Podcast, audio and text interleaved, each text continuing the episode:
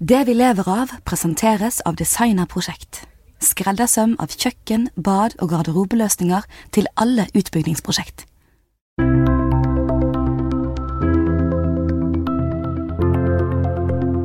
«2019 har vært et veldig hektisk år i norsk næringsliv. Oljenæringen har gjort comeback, havvind og batteri er blitt big business, og oppdretterne har satt nye eksportrekorder. Du hører på Det vi lever av, en podkast fra Sysla. Jeg heter Marie Misund Bringsli. Og I dag skal vi ha en helt eh, spesiell episode. Vi oppsummerer nemlig de største og viktigste sakene som har preget næringslivet i 2019. Hva har vi skrevet mest om i Sysla? Hva har overrasket oss, og hvilke saker har engasjert mest?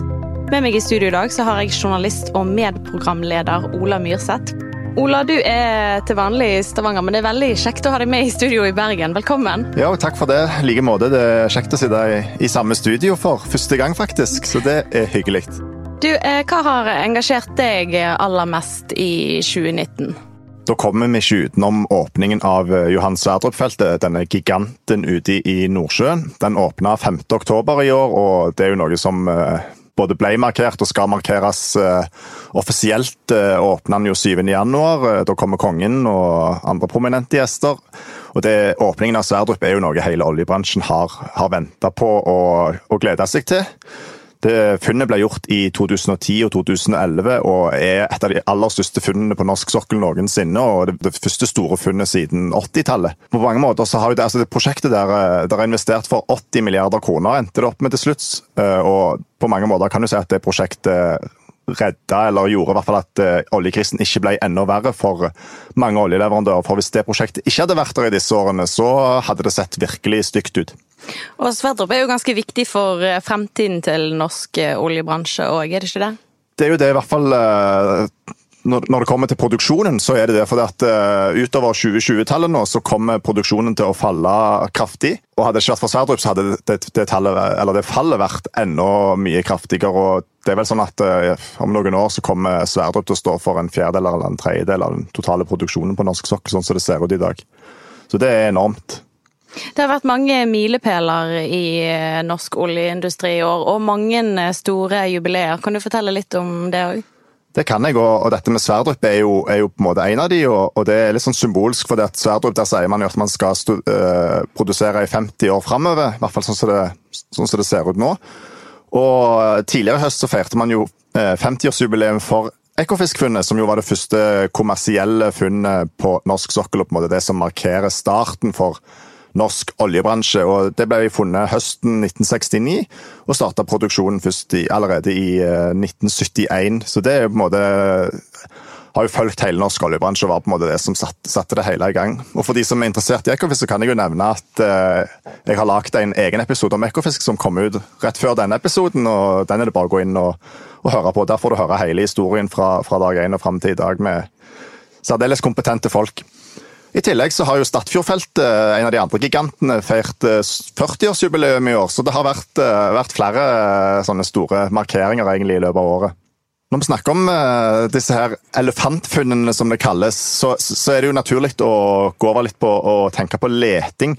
For Det er jo noe man er opptatt av i oljebransjen. og I flere år under krisen så leter man lite, men nå de siste to årene så har antallet letebrønner tatt seg betydelig opp. Men allikevel så blir det ikke gjort særlig mye funn. altså. Det, blir gjort en del eh, mindre funn og ting som gjerne kan knyttes opp mot eksisterende felt. og sånt. Men eh, de store funnene uteblir, og, og som jeg nevnte tidligere, så kommer produksjonen til å falle kraftig utover 2020-tallet. Eh, Ryste Energy, et sånn analysehus, eller hva man skal kalle det, de har vel beregna at hvis det ikke kommer nye storfunn, så kan faktisk produksjonen på norsk sokkel halveres fra 2025 til 2040. Og Derfor er det jo interessant, og for oljebransjen er det jo bekymringsverdig at det ikke blir gjort nye storfunn. og Det er jo noe som Equinor for eksempel, de borer mange brønner, og de, du får de ikke til å ta ordet skuffelse i sin munn, men det er jo ingen tvil om at de er skuffa over de leteresultatene de har hatt de siste årene. Du da, Marie. Du, også, du skriver ikke så mye om olje som meg, men du skriver om mye andre spennende ting. Hva er det som har preget din arbeidshverdag det meste siste året? Altså Nå i høst så har jo denne her eh, debatten om lakseskatten virkelig rast. Og med lakseskatten så mener jeg diskusjonen om det skal være grunnrenteskatt på havbruk. Bakgrunnen for denne debatten er jo at eh, regjeringen har bedt et utvalg om å utrede en skatt i oppdrettsnæringen, fordi de har hatt eh, superprofitt i flere år. Eh, men lenge før dette utvalget i det hele tatt hadde begynt å jobbe, så eh, var mange politikere på banen og sa at eh, dette her ble ikke aktuelt. Og næringen sjøl har vært veldig sterkt imot denne skatten. Og eh, når eh, Havbruksskatteutvalget kom med rapporten sin nå i høst, så eh, foreslo de at oppdretterne skulle betale en skatt på overskuddet da, i næringen på 40% og det ble ikke spesielt godt mottatt. Denne skatten den hadde da ført, hvis den skulle vært innført i 2018, så ville den gitt 7 milliarder til staten. Men dette her utvalget har møtt veldig stor motstand, både fra politikere og fra næringen sjøl. Det blir kalt for et skrivebordseksperiment. Eh, utvalget blir beskyldt for å være for teoretiske. Man sier, og argumenterer med at det ikke er grunnrente i oppdrettsnæringen, at næringen kan flytte ut av landet, og at eh, det vil føre til betydelige færre investeringer i næringen. Så det er veldig steile fronter, og jeg tror neppe vi har hørt det siste om grunnrenteskatt i oppdrett. Jeg tror at det er en debatt Eh, som kommer til å rase videre i 2020, selv om saken regnes som relativt politisk død. Mm, ja, det er jo interessant det der. Jeg, eh, jeg har ikke skrevet noe særlig om dette her sjøl, men jeg har jo fulgt det du og andre har gjort. og det er jo sånn, eh, Lakseskatt er jo gjerne ikke det mest sexy temaet i utgangspunktet, men jeg har blitt overraska over hvor het den debatten egentlig har vært nå, spesielt i, i høst. Absolutt, jeg er helt enig. Og det er en komplisert sak. Det tar eh, lang tid å sette seg inn i og forstå. Eh, det, men vi har eh, opplevd en enorm interesse både når det gjelder lesertall, og vi har fått enormt mange meningsinnlegg til Sysla. Vi har sett masse meningsinnlegg i aviser som Dagens Næringsliv f.eks. Så dette er noe som engasjerer veldig sterkt. Og det er, som jeg sa, veldig steile fronter. Det er ikke sånn at man viser forståelse for for eh, de ulike synspunktene, men det, det her setter man virkelig hardt mot hardt. Eh, og det, vi har jo hatt en egen episode om dette her i Det vi lever av, og annet med Linda Nøstbakken som har vært med i dette um, utvalget som har utredet grunnrenteskatten, og hun eh, fortalte at det har vært veldig spesielt å jobbe med denne saken siden politikerne hadde bestemt seg på forhånd om de ville ha det eller ikke før utredning i det hele tatt kom på bordet. En annen ting du har eh, jobbet en del med, og som vi også har lagt en tidligere episode av eh, Det vi lever av eh, om, det er batterier, faktisk. Hvorfor er batterier interessant nå? Altså, I fjor høst eh, så hadde vi en artikkelserie om batterirevolusjon. Men det er jo virkelig i løpet av dette her år, siste året at det har tatt seg fullstendig opp, og egentlig vokst fram som en helt ny næring i Norge. Vi har sett at både Corvus og Siemens har rett og slett bygd store batterifabrikker i Norge. Eh, og det er jo planer om en enorm batterifabrikk i eh, Mo i Rana òg, som selskapet Freyr har lyst til å bygge. Jeg tror den skal koste rundt 40 milliarder. Mye av den utviklingen eh, med batterier har jo vært drevet av krav fra f.eks. bl.a. Equinor eh, om at eh, man måtte ha batteripakker på skipene som de leide inn. Eh, vi ser at det har blitt eh, planlagt ekstremt mange hybridskip. Eh, og det gjelder både offshoreskip, fiskebåter, passasjerfartøy. Det er virkelig blitt big business. Det er jo en del av på en måte, den utviklingen med grønn skipsfart. Men det er virkelig Batteri er ikke lenger noe som skiller seg ut. Det er mer eh, det, det, det, blir vanligere og vanligere. Og eh, nå eh, tidlig i høst var jeg så heldig å få lov til å dra ut på reportasjetur på en hybridrigg, som visstnok skal være verdens første hybridrigg, da, som er Vestmyra, som opereres av Seadrill. Eh, hvor de i løpet av sommeren hadde skjært et gigantisk hull i det ene riggbeinet og laget et batterirom eh, inne i riggen. Eh, så det er jo en veldig spesiell og interessant utvikling, som ifølge riggselskapene vi har snakket med, da, bare kommer til å ta seg enda mer opp de neste årene. At det enda flere som vil satse på eh, batterier om bord på riggene for å optimalisere energibruken og ikke produsere unødvendig energi, men kunne ta vare på det og ja, kutte utslipp, som blir viktigere i som blir viktigere og viktigere i alle ledd av eh, næringslivet. Og nå en kort melding fra vår annonsør. Siden 1992 har designer produsert kvalitetsmøbler til kjøkken, bad og garderobe fra vår egen fabrikk. Med over 25 års erfaring forstår vi i Designerprosjekt hva profesjonelle utbyggere ser etter hos en samarbeidspartner. Vi skreddersyr løsninger til alt fra store offentlige anbud til mindre boligprosjekt, og sørger for at du alltid får det du trenger til riktig tid. Designerprosjekt leverer til hele Norge, og med våre 21 butikker over hele landet er du og dine kunder alltid velkommen innom for å studere vårt store utvalg av løsninger. Og da går vi videre i podkasten. Men eh, Ola, hva vil du si har vært årets mest overraskende sak, egentlig? Det som kanskje har vært eh, litt overraskende, det er jo eh, hvor stort havvind har blitt, eller hvor mye oppmerksomhet det har vært rundt det. Nå har jo Havvind er jo noe man har snakket om i mange år, og så har det skjedd litt, men kanskje ikke så veldig mye. Men nå, spesielt andre halvdel av året, så har det kommet utrolig mye nyheter derfra. og Blant annet så har jo Equinor eh, fått noen virkelig store kontrakter eh, i USA og i Storbritannia. Og de fikk jo òg eh, tilslag på dette Hywind Tampen-prosjektet, som skal elektrifisere en del eh, plattformer ute i Nordsjøen.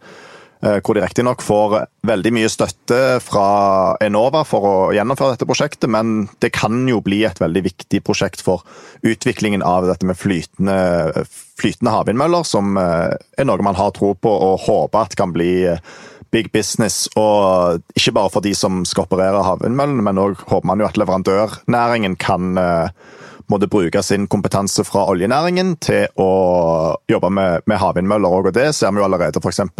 Aibel, som er en veldig stor uh, oljeleverandør og bygger, bygger plattformer, uh, bl.a. i Haugesund.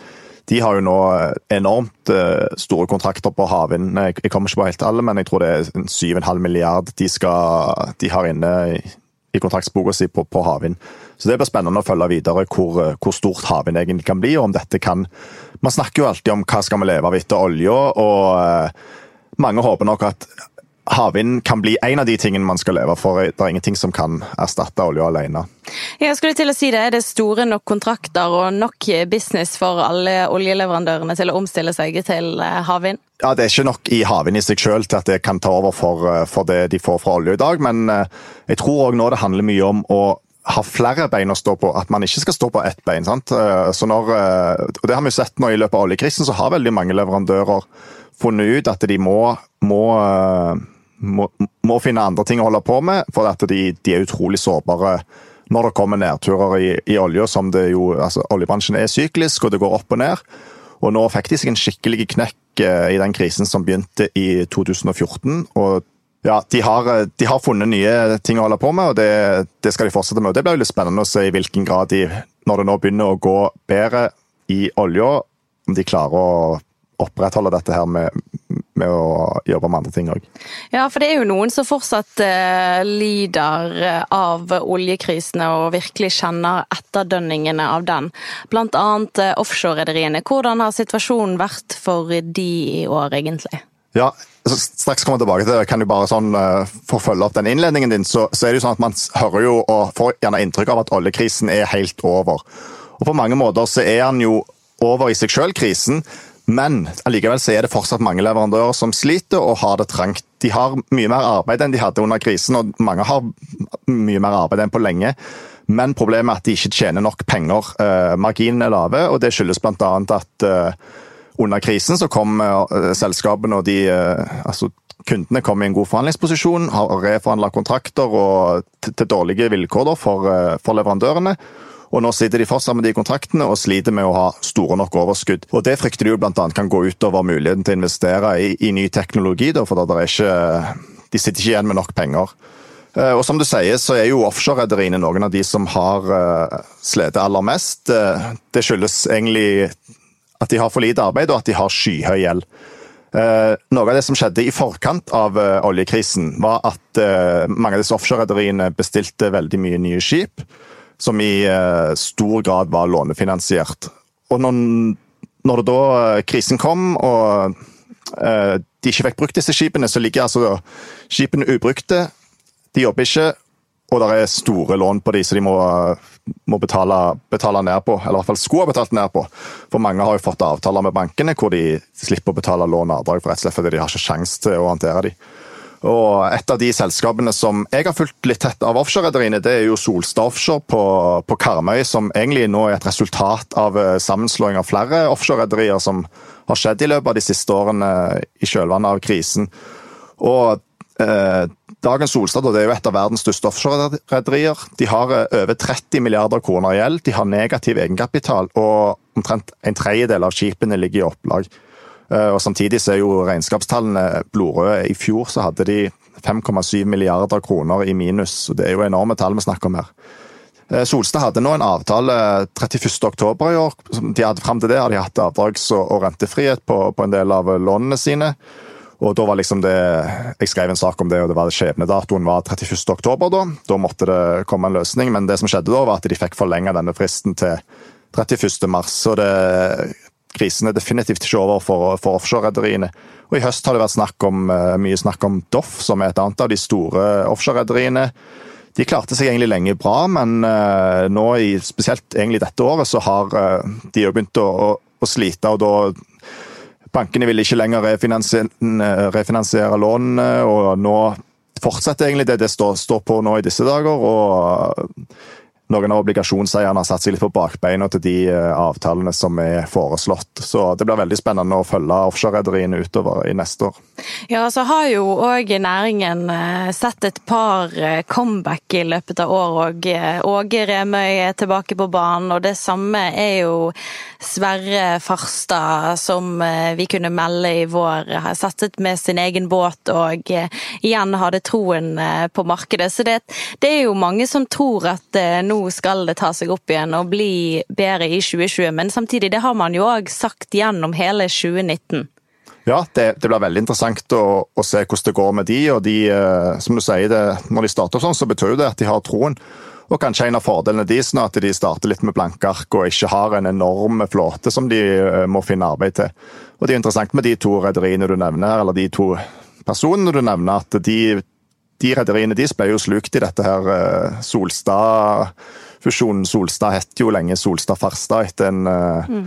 etter, den fusjonen, og så har ting skjedd der som, som gjorde at nå er det bare Solstad offshore igjen. Og en annen ting som er interessant, Nå har vi jo snakket om eh, fusjoner i, i offshorerederiene, men òg blant oljeselskapene har det jo skjedd utrolig mye de siste årene. Bare dette året så har jo f.eks. Wintershall Dea oppstått, som er et stort tysk selskap. og det som heter Vår Energi, har jo blitt veldig mye større. Og Det er jo ting som har skjedd de siste årene. og Det, så, det har skjedd tidligere òg at det skjer mye sånn fusjoner og oppkjøp i kjølvannet av eh, dårlige tider. Og Det henger jo bl.a. sammen med at da er det gode muligheter for å gjøre gode kjøp. altså et Oljeselskap er mindre verdt når, eh, når det går dårlig i den bransjen. og da, da, kan man gjøre gode kjøp hvis man har kapital og, og tro på, tro på framtida. Uh, det er litt interessant. Jeg lagde en sak tidligere i år hvor jeg eh, på en måte lista opp de tolv største produsentene på norsk sokkel. Og hvis jeg tar de, største, de, de, seks største av de selskapene, så er det jo Equinor og så Petoro, som er på en måte statens eget selskap, som forvalter de eiendelene staten har eh, direkte ute på sokkelen. Og så er det Vår Energi på tredje, Total, Wintershall DA og Aker BP. Og tre av de selskapene, hvis du går bare fem år tilbake i tid, så fantes det ikke de selskapene. Det er ting som har skjedd i løpet av disse årene, og det er jo veldig interessant. Og Equinor, da, som inntil i fjor het Statoil, har jo skifta navn. Så det skjer utrolig mye når det, når det gjelder disse operatørselskapene på norsk sokkel. Og Det, det henger òg litt sammen med måte, den fasen norsk sokkel er i nå. Som jeg nevnte, så har jo Ekofisk starta produksjonen for 48 eh, år siden. da. Og eh, og det ble gjort eh, mindre store funn, som jeg nevnte. og Da er det gjerne mindre interessant for, eh, for store internasjonale selskaper å være til stede på, på norsk sokkel. De, de, trenger de virkelig store prosjektene.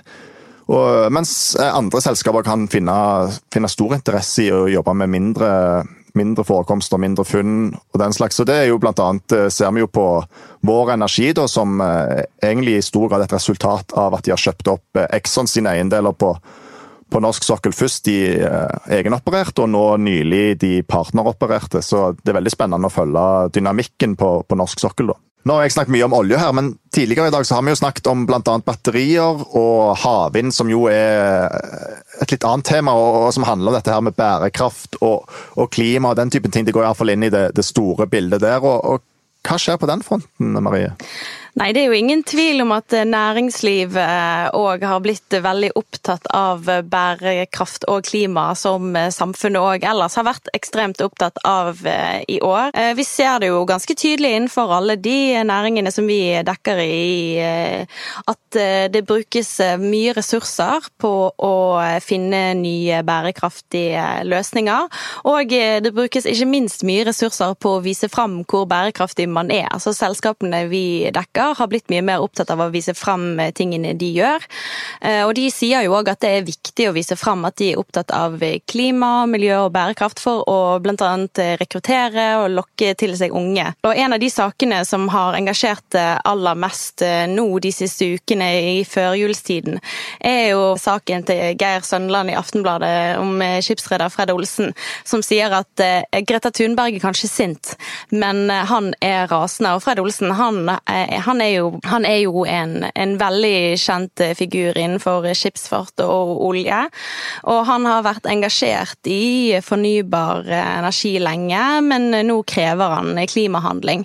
Eh, og det har vakt, vakt veldig oppsikt. Og sist gang jeg sjekket, så var den saken eh, som vi hadde lest av over 100 000, eh, som ja, og har engasjert veldig sterkt, og mange har delt. og ja, Det er mange mm. som, som får med seg at han virkelig er rasende og engasjerer seg. Mm, og det henger jo også sammen med at det er jo veldig sjelden at Fred Olsen gir intervjuer. og det, det, Så det er ikke ofte du kan, eh, kan, lese om hva han faktisk mener. og Da er det jo interessant og gøy at han går såpass uh, hardt ut når han først uh, snakker.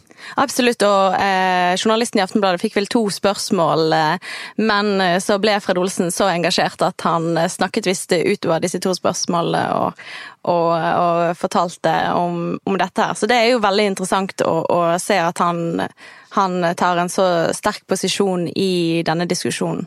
Men eh, Ola, hva tror du blir eh, stort i 2020? Jeg tror uh, fortsatt vi kommer til å se at havvind bare blir større og større, og at det blir mer og mer snakk om det. Og også for Når det gjelder den bransjen jeg jobber mest med, så, som er olja, da, så tror jeg jo blant annet det blir veldig interessant å se om oljeselskapene faktisk begynner å finne mer uh, olje og gass enn det, de har gjort de siste årene. Som jeg nevnte, så er jo på en måte den framtidige produksjonen på, på, norsk sokkel avhengig av at de, de gjør større funn snart.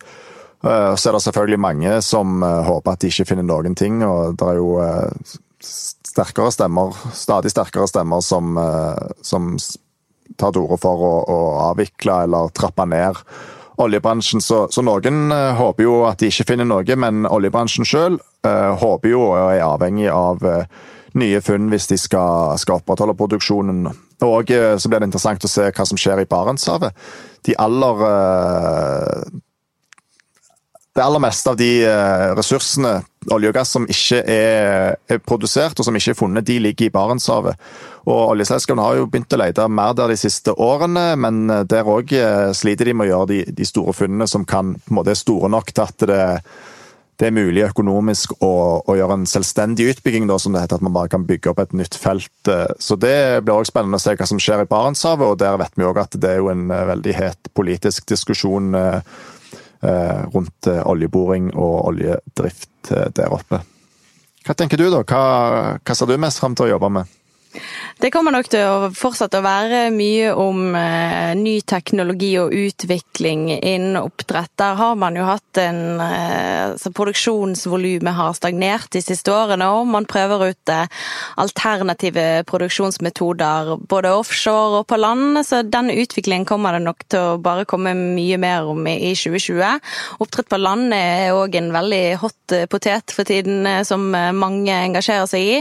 Men det er jo veldig spennende å se de første resultatene av produksjonen i disse offshore-merdene når eh, de kommer, og få høre om det faktisk kan være løsningen på sykdoms- og miljøproblemene til oppdrettsnæringen. Mm. Og den bransjen er vel avhengig av å finne nye måter å produsere på for å få lov til å vokse, rett og slett? Ja, for å få lov til å vokse. Og det er jo veldig mange som vil at denne næringen eh, skal bli mye større og viktigere i Norge. Man har eh, ekstremt ambisiøse mål for den, og, og hvis den skal vokse, så med dagens system så må man gjerne finne alternative produksjonsmetoder. Ellers så tror jeg at vi kommer til å høre enda mer om havvind og, eh, og, og vind på land som har, eh, vi ikke har nevnt tidligere i dag, men som òg har vært eh, en veldig stor eh, debatt i år. Veldig mange har vært sinte pga. godkjente prosjekter og følt at de har mistet, mistet, retten til å være med og bestemme om det skal være vindmøller på land i lokalområdet. Så det tror jeg òg noe vi kommer til å skrive mye mer om og snakke mye mer om i, i året som kommer. Så tror jeg at omstilling òg er et tema som kommer til å fortsette. Dette som du var litt inne på før, med å ha flere bein å stå på og ikke basere seg på kun én næring, spesielt som leverandør. Det blir spennende å se hvordan det går med verftene, som har slitt veldig i år. Eh, om de alle bare skal bygge brønnbåter eller ferger, eller hva de kommer til å gjøre. Så jeg tror det blir, eh, det blir mye spennende som skjer i 2020. Definitivt. Det vi lever av, har jo hatt mer enn 277 000 avspillinger i 2019. Eh, det er vi godt fornøyd med. Det må vi være veldig godt fornøyd med. Dette er jo faktisk det første hele året Det vi lever har levd. Så eh, det er kjempekjekt at eh, folk hører på. Men vi håper selvfølgelig på mange mange, mange flere lyttere i 2020. Vi både håper og tror på det. Det gjør vi. Tusen takk for at du tok turen opp til studio i Bergen. Jo, takk for at jeg kom. Og god jul og godt nyttår til dere som hører på. Vi høres i det nye året. Takk for at du hørte på.